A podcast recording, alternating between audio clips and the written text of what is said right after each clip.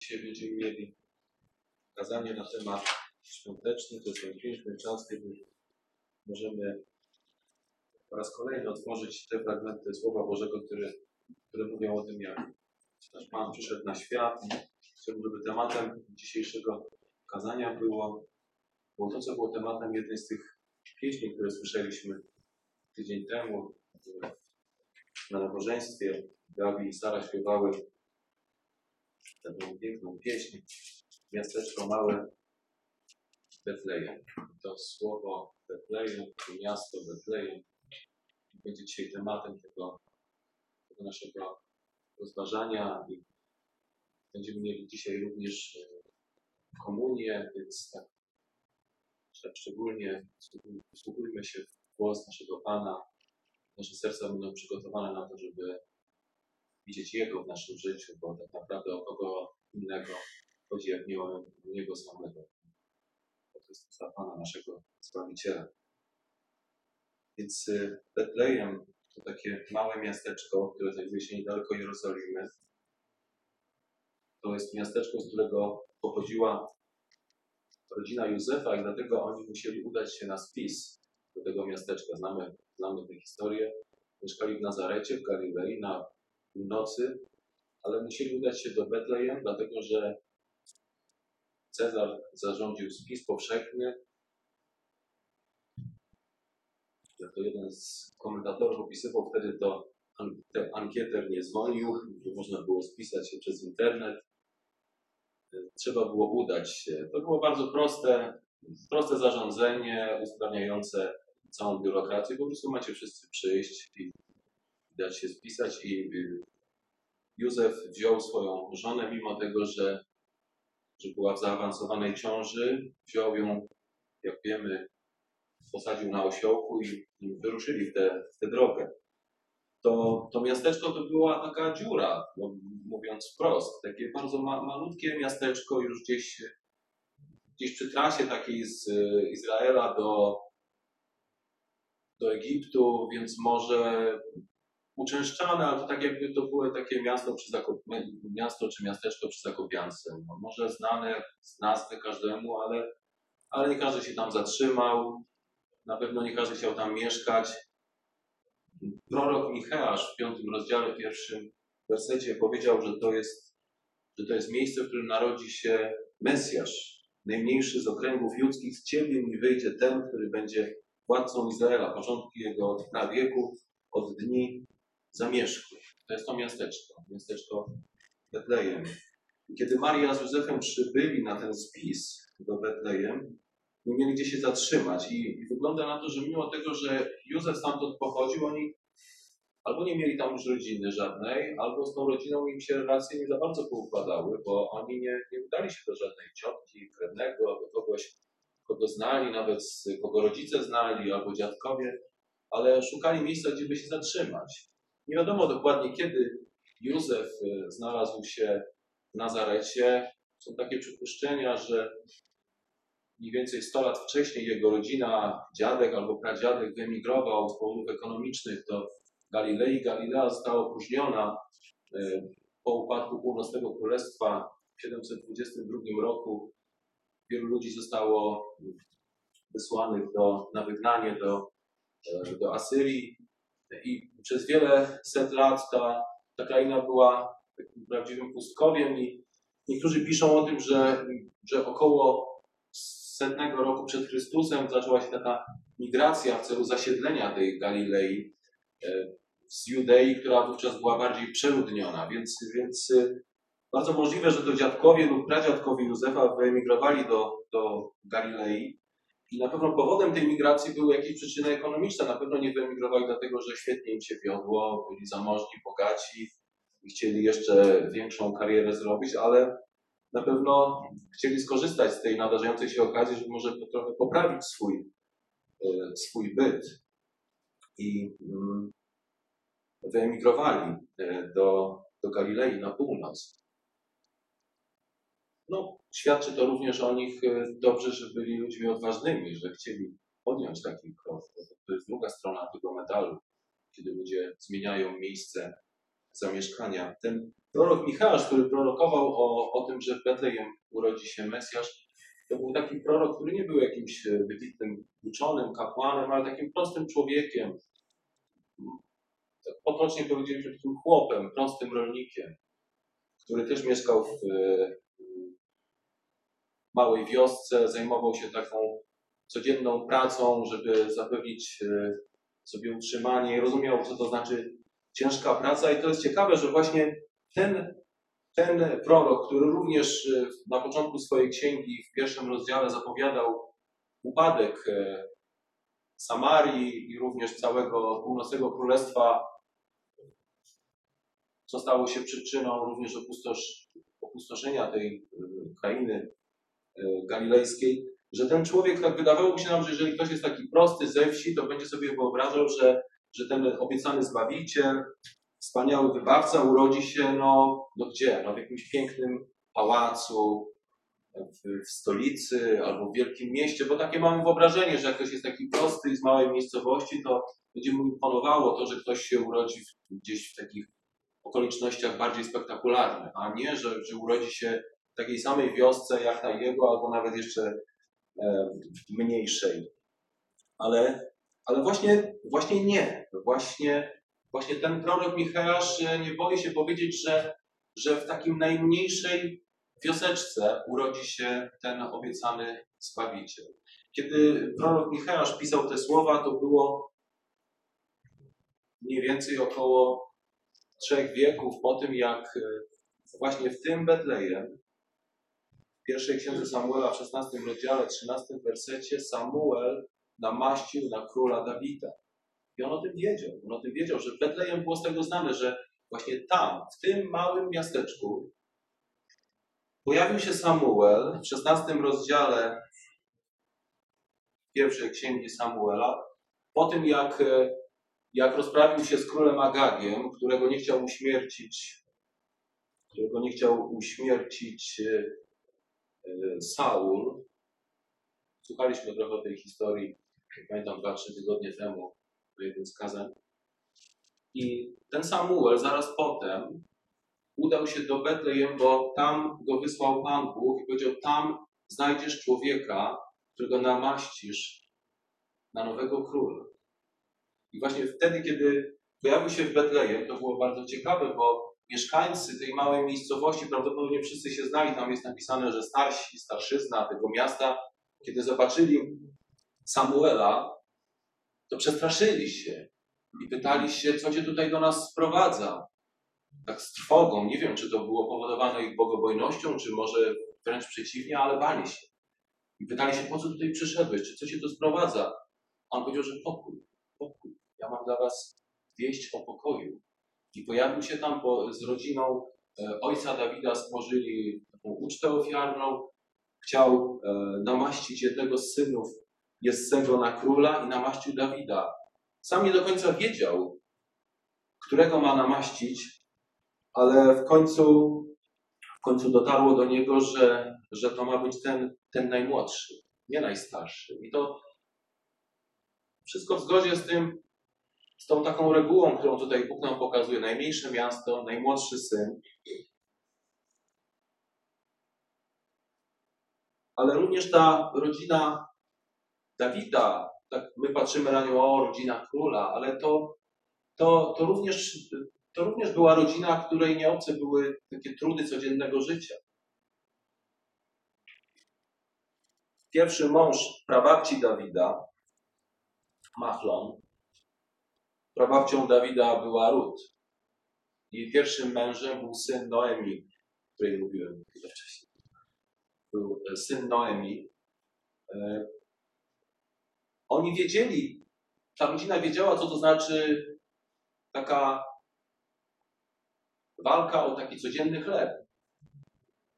Noemi wraz ze swoim mężem i z dwoma synami wyemigrowali do Moabu. Trochę inaczej niż Józef, bo na południe, a nie na północ.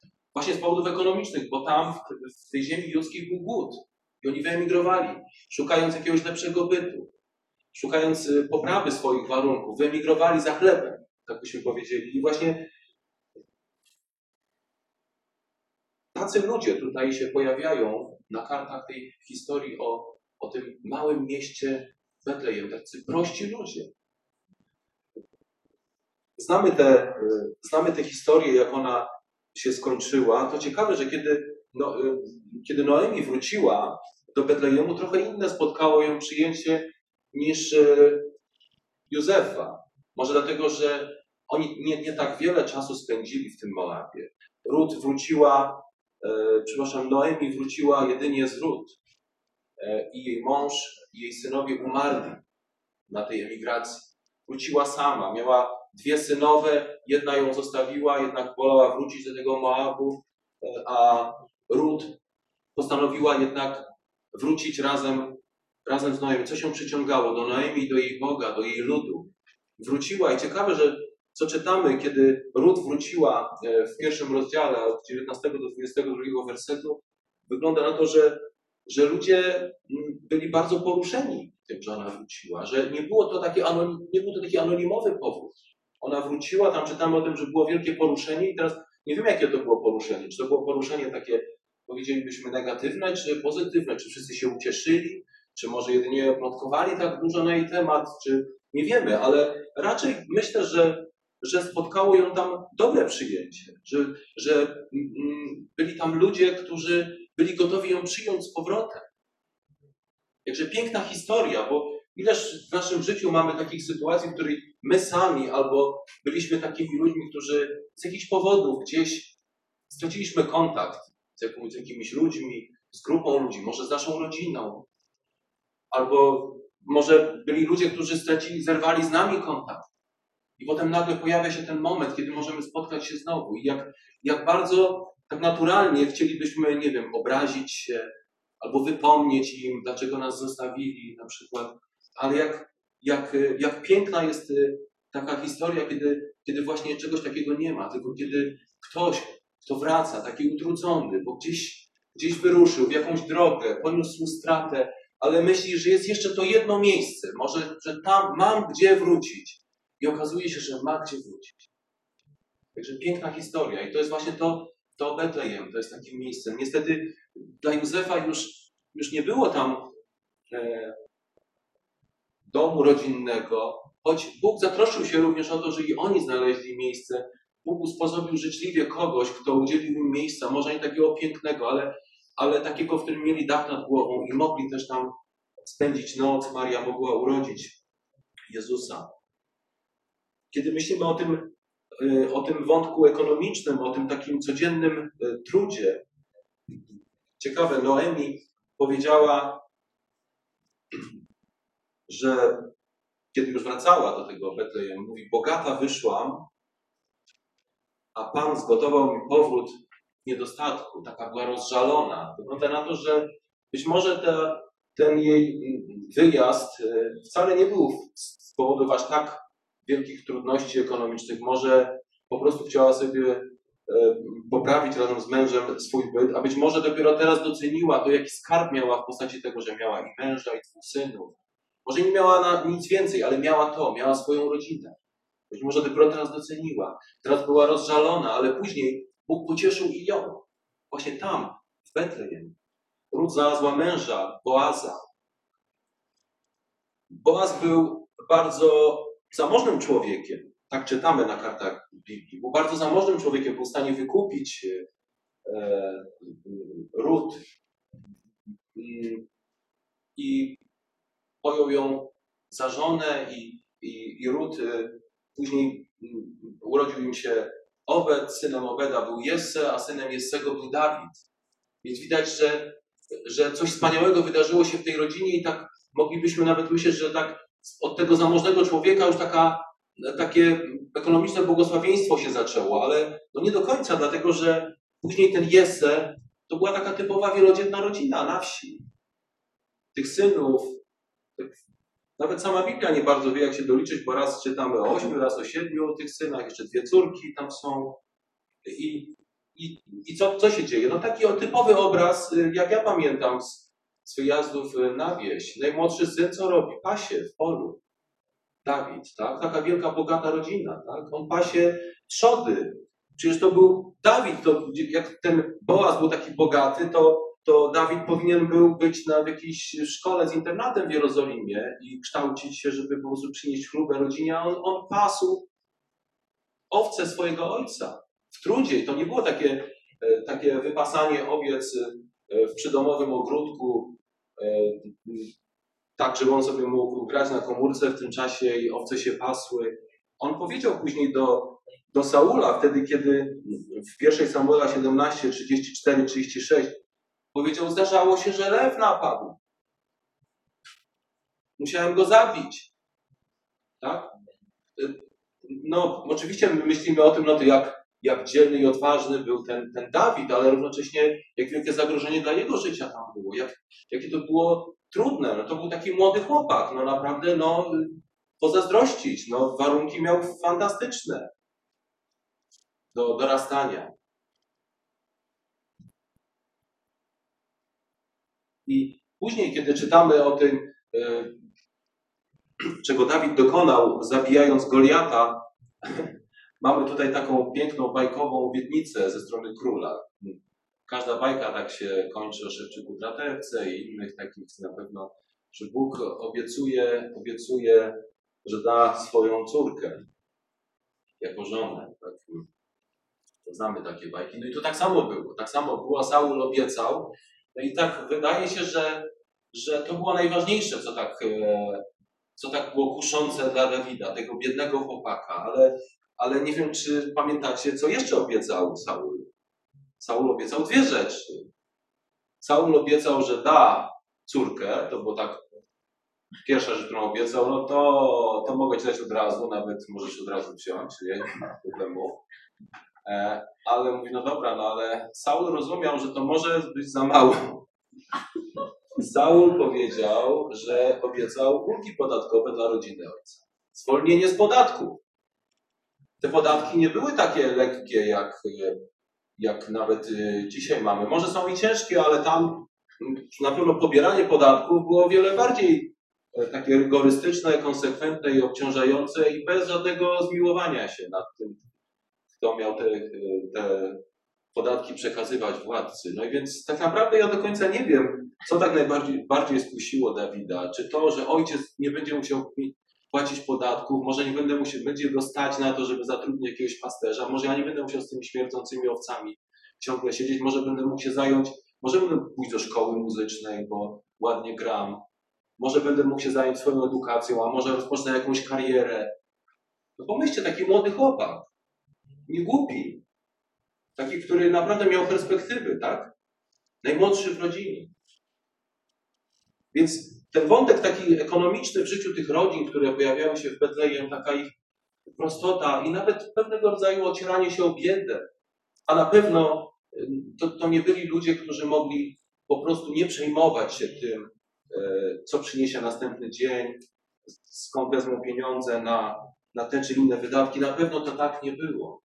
Ten, ten motyw przewija się przez to miasto Betlejem. I Betlejem to jest historia rodzin borykających się z problemami takimi samymi od wieków, jak ty i ja mamy. I nie na darmo może właśnie jeden z potomków tej, y, tej rodziny, Salomon, napisał później, że nic nowego pod słońcem. To jest to samo. Oni mieli takie same problemy, jakie my mamy. Teraz patrzymy na nowy rok, spodziewamy się, że prąd podrożeje 20%, gaz 40% i nie wiadomo co jeszcze, ile podrożeje, będziemy mieli takie czy inne problemy. Tak jest nic nowego pod słońcem. Oni tak samo borykali się z tym.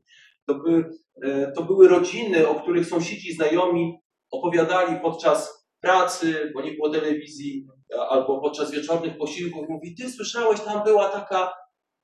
No a ja pamiętam, jak była taka jedna, ona tam, nie wiem, czy ją znacie, ta Józka, Franka, Wojtka, Hanki, brata, szwagra, córka, nie? To ona była. I, I ona wyjechała z mężem, pojechali i wyemigrowali do Niemiec, no i ona wróciła, później sama wróciła, nic im się nie udało. I jedni mówią, a dobrze jej tak, a inni współczują. Tak, to jest dokładnie takie rodziny.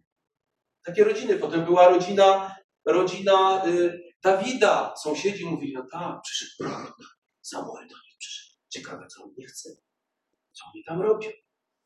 dlaczego on tak długo u nich siedzi? A może mają jakieś problemy, na pewno przyszedł ich napomnieć. To tak, to ten sam król, y, prorok Samuel, który niedawno tak y, rozprawił się z królem Saulem, teraz przyszedł im nagadać, dobrze im tak, dobrze im tak, bo już, już im za dobrze było. A inni, a inni zazdrościli, mówili, o, do nich przyszedł prorok Samuel, do nas nie. Potem widzieli, widzieli, że tak się poprawiło. O, Dawid był na, na, na dworze. Oni nie wiedzieli o tym, że jak na tym dworze królewskim to musiał uchylać się co chwila przed, przed włócznią Saula, który rzucał w niego, bo, bo miał niedobrze w głowie. Nie widzieli tego, co, poszedł, co potem się wydarzyło, ale to były takie historie. Albo, albo Józef i Maria, którzy w Nazarecie, gdzie mieszkali, być może sąsiedzi opowiadali, no tak, no tak, ta biedna Maria, no w ciąży jest. Oni, no, no może lepiej nie mówmy dlaczego. A inni, od, a inni mówi, nie mówili, jak najbardziej. Potem przyjechali do, do tego Betlejem, może ci ludzie, których spotkali, może też mówili, tu przyjechała taka, taka para z północy przyjechała. Ona była w ciąży. Oni są małżeństwem, chyba są małżeństwem, chyba tak. I tak samo patrzyli na nich, o biedni, gdzie oni są? Do Egiptu pojechali. A, może ktoś ich gonił. A może coś złego zrobili i muszą uciekać. A może po prostu, a nie chcą być tutaj z nami, zostawili nas cokolwiek. No po prostu taka rodzina, zwykła rodzina ze swoimi decyzjami. I mamy, ta, to Betlejem jest bogate w opisy takich historii życia rodzin, wielu rodzin z takimi normalnymi problemami. I tak naprawdę, gdybyśmy poprzestali jedynie na tym opisie, to byłyby takie zwykłe historie, jak, jak, e, jak o naszych sąsiadach my opowiadamy, jak sąsiedzi o nas opowiadają. Ale zapis Słowa Bożego daje nam wgląd w coś takiego, co daj Boże, może kiedyś zobaczymy w tych niebiańskich kronikach na temat naszego życia. Że gdzieś jest zapisywana taka niebiańska kronika naszego życia. Tam jest coś o wiele więcej niż jedynie ta doraźna troska o nasze, nasze potrzeby codzienne. Tam jest coś więcej. I dokładnie tak jak w tych, tych historiach, znaczy, które są tu zapisane w Biblii, tam pojawia się taka jedna, mała dodatkowa rzecz, o której ludzie nie mają zielonego pojęcia. Ci, którzy opowiadają w tej gospodzie, w tym Nazarecie, w tym Betlejem, czy, czy gdzieś dalej. Po prostu to jest Bóg w życiu tych ludzi. To jest Bóg, który się pojawił osobiście.